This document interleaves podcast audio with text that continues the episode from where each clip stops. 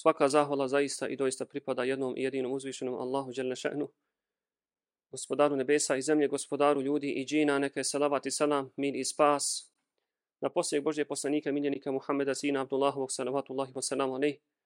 Neka je salavat i salam na njegovu časnu porodicu, ahli bejt, na njegove časne ashabe, prijatelje i drugove, na njegove tabine, pratioce njegovih ashaba, a i na sve one koji njih budu pratili u dobru i u hajru do sunnjega dana. Amin. Ja Rabbel alamin, poštovana braćo, cijenjeni vjernici, Allahu i robovi. Assalamu alaikum wa rahmetullahi wa barakatuh. Evo nas ponovo zajedno, Allahu dželle še'nuhu odredbom, nakon četiri sedmice izostanka. Nastavljamo tamo gdje smo stali prije ovog godišnjeg odmora. Na zadnjoj hudbi govorili smo na temu Abghadhu al-ibadi wal-a'mali wal-kalami wal-biladi in Allahi azza wa jal. Govorili smo na temu najmrži robovi, najmrža djela, najmrži govor i najmrža mjesta Allahu dželle še'nuhu shodno tekstu Kur'ana i sunneta. Dakle, shodno onome kako je Allahu poslanik u svojim hadisima naglasio da su određene osobe, da su određena mjesta, da su da je određeni govor i da su određeni postupci mrski i da nisu dragi gospodaru svjetova. Na toj prvoj hudbi smo spomenuli najmrže robove Allahu dželle še'nuhu i ko želi neka se vrati na prvi dio naše hudbe, a hudba je dostupna na našem YouTube kanalu Džemat Ikre Minhe. Također smo spomenuli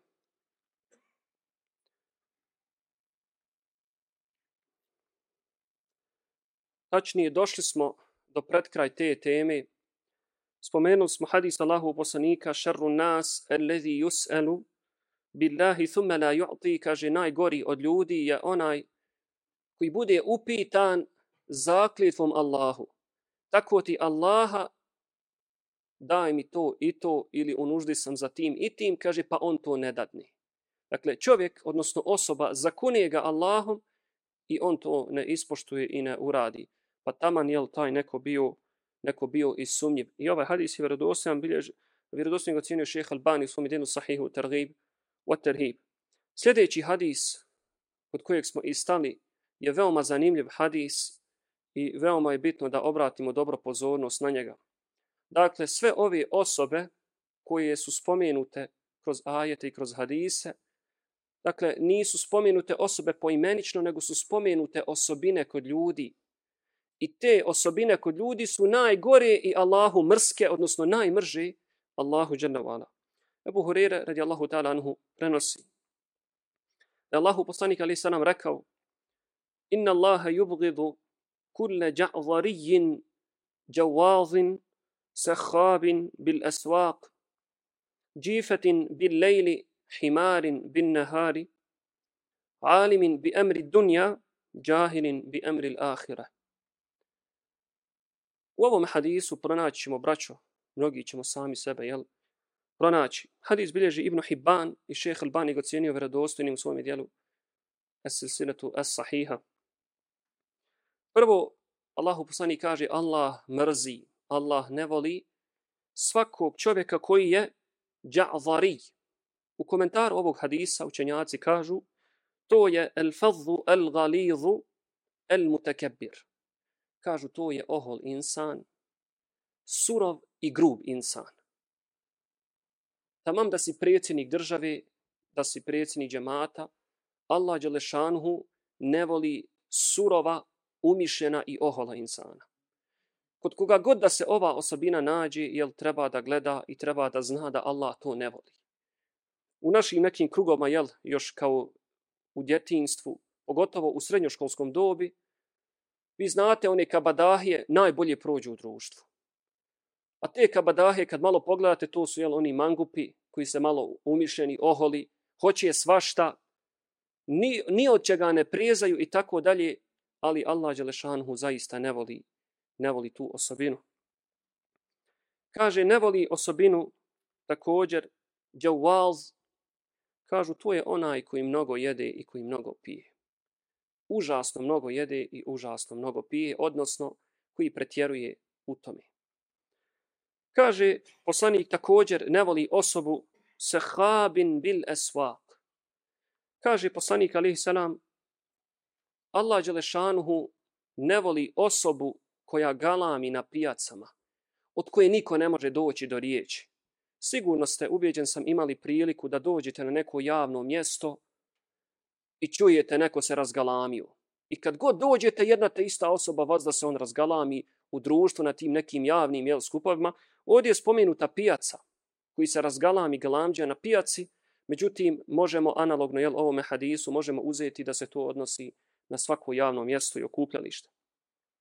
Kažu učenjaci, dakle, es-sahab, alladhi yarfa'u sawtahu fil aswaq bi sebebi umuri dunja i jedna veoma bitna stvar, kaže, to je galamđija koji zbog dunjalučkog razloga podiže glas. Nije podigao glas zbog Allaha dželle i zato što je neko uzurpirao Allahovo pravo, prekršio Allahovu zabranu, ne.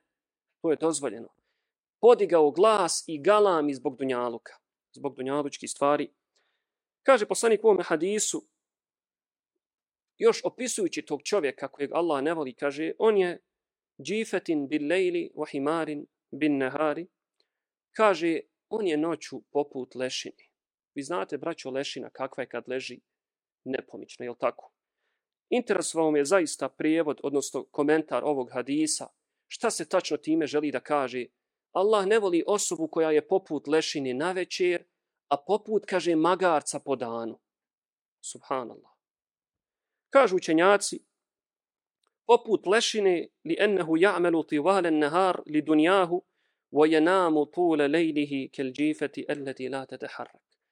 Kaže, Allah ga je, Allahu poslanik ga je ovdje uporedio sa lešinom i sa magarcom, kaže, zato što on, kaže, tokom cijelog dana radi poput magarca, a kaže, na večer spava u pogledu dunjaluka, ne zna za Allaha i ne zna za Allahove ibadete na večer, kaže, spava poput lešine koja se ne pomiči. A po dani, a po danu, kaže, radi i nosi, kaže, teret posla, kaže, kao što magarac, jel, pod svaki povazdan jel, radi. Naravno, čovjek koji klanja jaciju namaz i koji klanja sabah namaz, ne ubraja se, jel, u ovu skupinu ljudi, nego ovdje se misli, jel, čim padne noć sa akšamom, on legne spavat i nema, do ujutru se ne budi, jel, ne pomiče se, ne zna za Allaha Đelešanhu i ovdje kaže učenjaci, konkretno šeheh Albani kaže, a kaže kad je u pitanju njegov dunjaluk, kaže po vas dan radi. Nosi teret. Ebu gadul a'mali ila Allah, najmrža dijela Allahu Đelešanuhu, prenosi se od jednog čovjeka iz plemena Hatham, kaže, došao sam Allahovom poslaniku, a oko njega je, kaže, grupa ashaba, I rekao sam mu, jesi li ti onaj koji tvrdi da je Allahov poslanik? Kaže, jesam.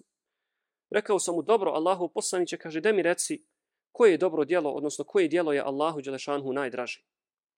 Kaže, Allahu poslanik mi je rekao, el imanu billah.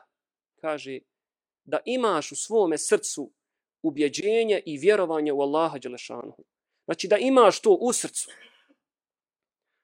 Kultu, ja Rasul Allah, thumme meh, kaže, dobro, a potom, Allahu poslaniće kaže, potom siletu rahim, kaže, da održavaš rodbinske veze. Kaže, a potom Allahu poslaniće kaže, potom je rekao, el emru bil ma'ruf, wa nehju anil munker. Dakle, nakon vjerovanja, očistio si vjerovanje u Allaha, djela ne sumnjaš da vjeruješ u Allaha, dakle, niko te ne može pokolebat. Potom održavaš rodbinske veze,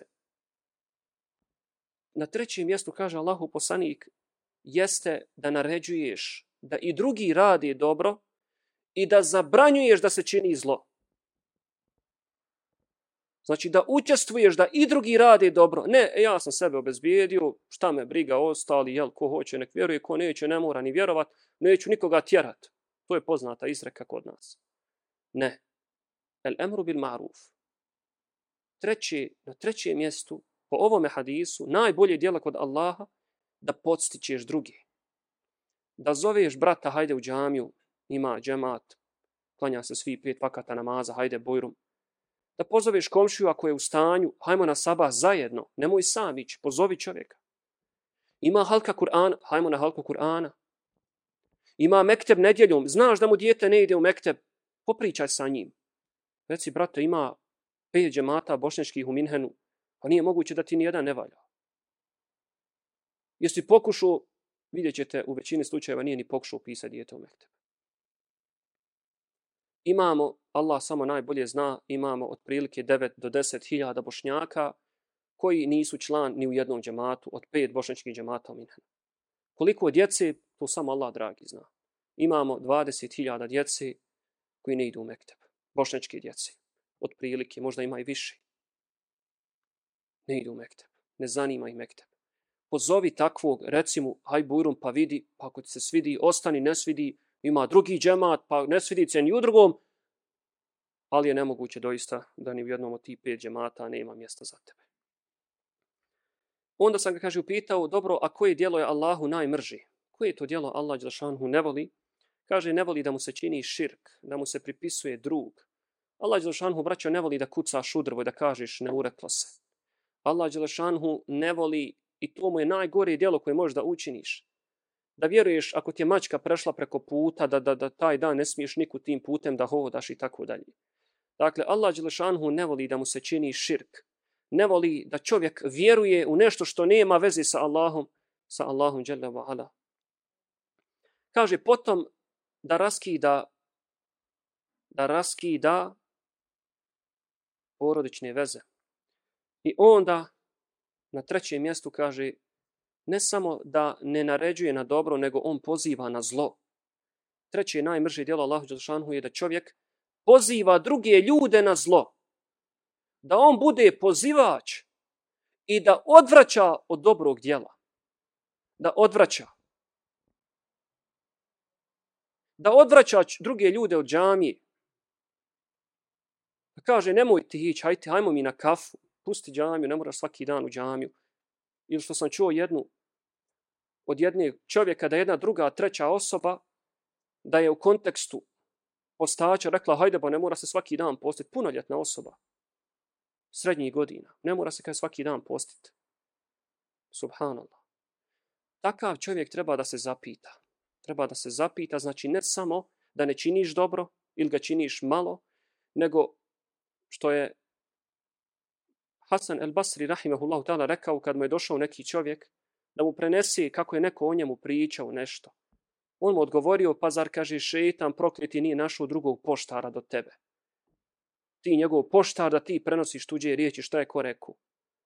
I od tolikog svijeta tebe Allah Đelešanhu odabere da te šetan prokleti zavede, da ti odvraćaš druge ljude i da radiš šeitansku misiju. Dakle, pozivajte ljude u dobro i odvraćajte od zla, a nemojte ni pošto odvraćati ljude od dobra i nemojte pozivati u zlo.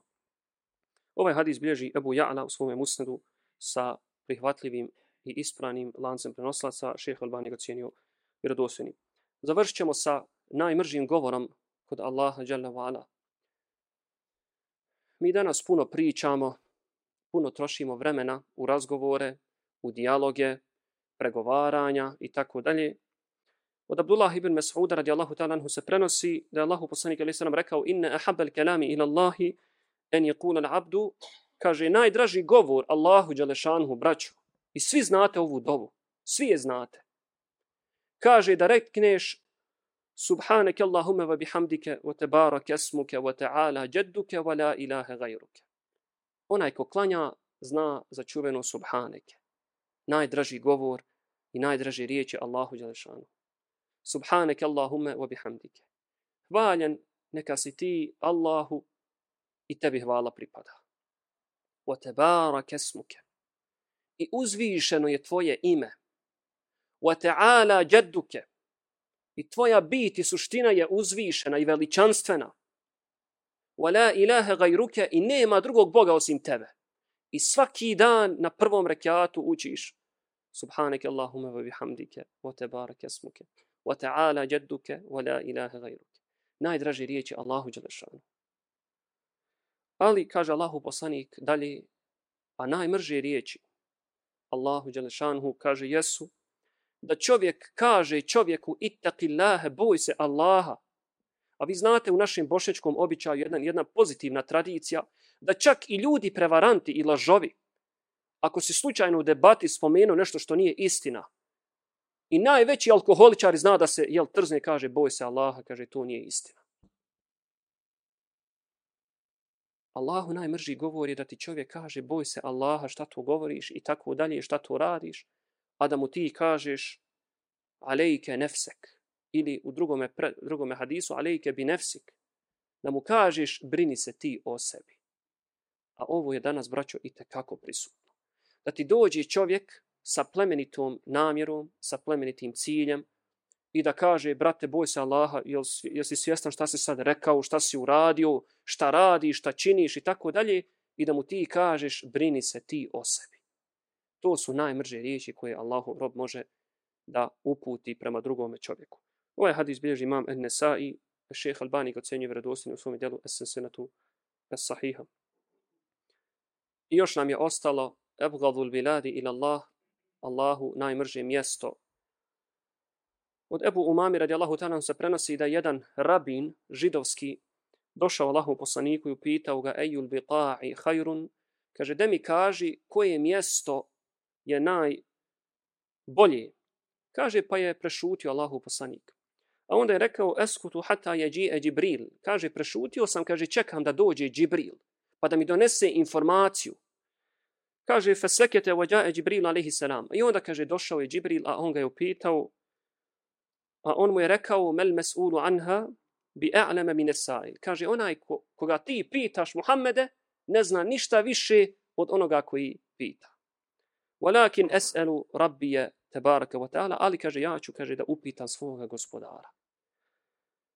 Kaže, potom je Džibril rekao, ja Muhammed, o Muhammede, inni danautu min Allahi dunuban ma danautu minhu qattu. Kaže Muhammede, kaže ja sam se približio Allahu Đelešanuhu ko što mu se nikad nisam do sada približio.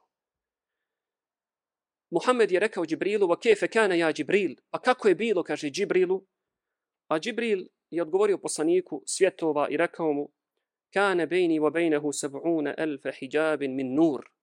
Kaže, između mene i Allaha je, kaže, bilo sedamdeset hiljada preprijeka od svjetla prepreka i zastora od svjetla. 70.000. A približio se Allahu najviše nego ikad što mu se približio.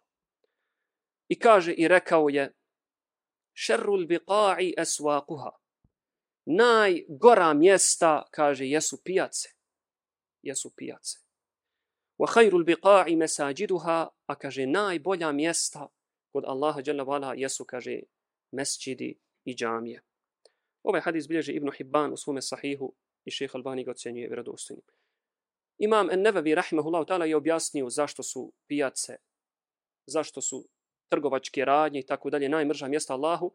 Kaže zato što najviše se laži i prevara događa na tim, na tim pijacama. Da ti čovjek odvali, prodati pokvareno, prodati polovno, a rekni da je novo. Dakle, najviše laži, najviše obmane, najviše varanja i tako dalje dešava se, dešava se na pijacama. Molimo uzvišenog Allaha dželle vala da budemo od najboljih njegovih robova i da nas sačuva od svih dijela koja vode ka svojstvu da budemo najgori od njegovih robova. Amin. Rabbal alamin. بارك الله لي ولكم في القرآن العظيم ونفعني الله وإياكم بما فيه من الآيات والذكر الحكيم أقول قولي هذا وأستغفر الله لي ولكم فاستغفروه إنه هو الغفور الرحيم واذكروا الله يذكركم واشكروه على نعمه يزدكم ولذكر الله أكبر والله يعلم ما تصنعون.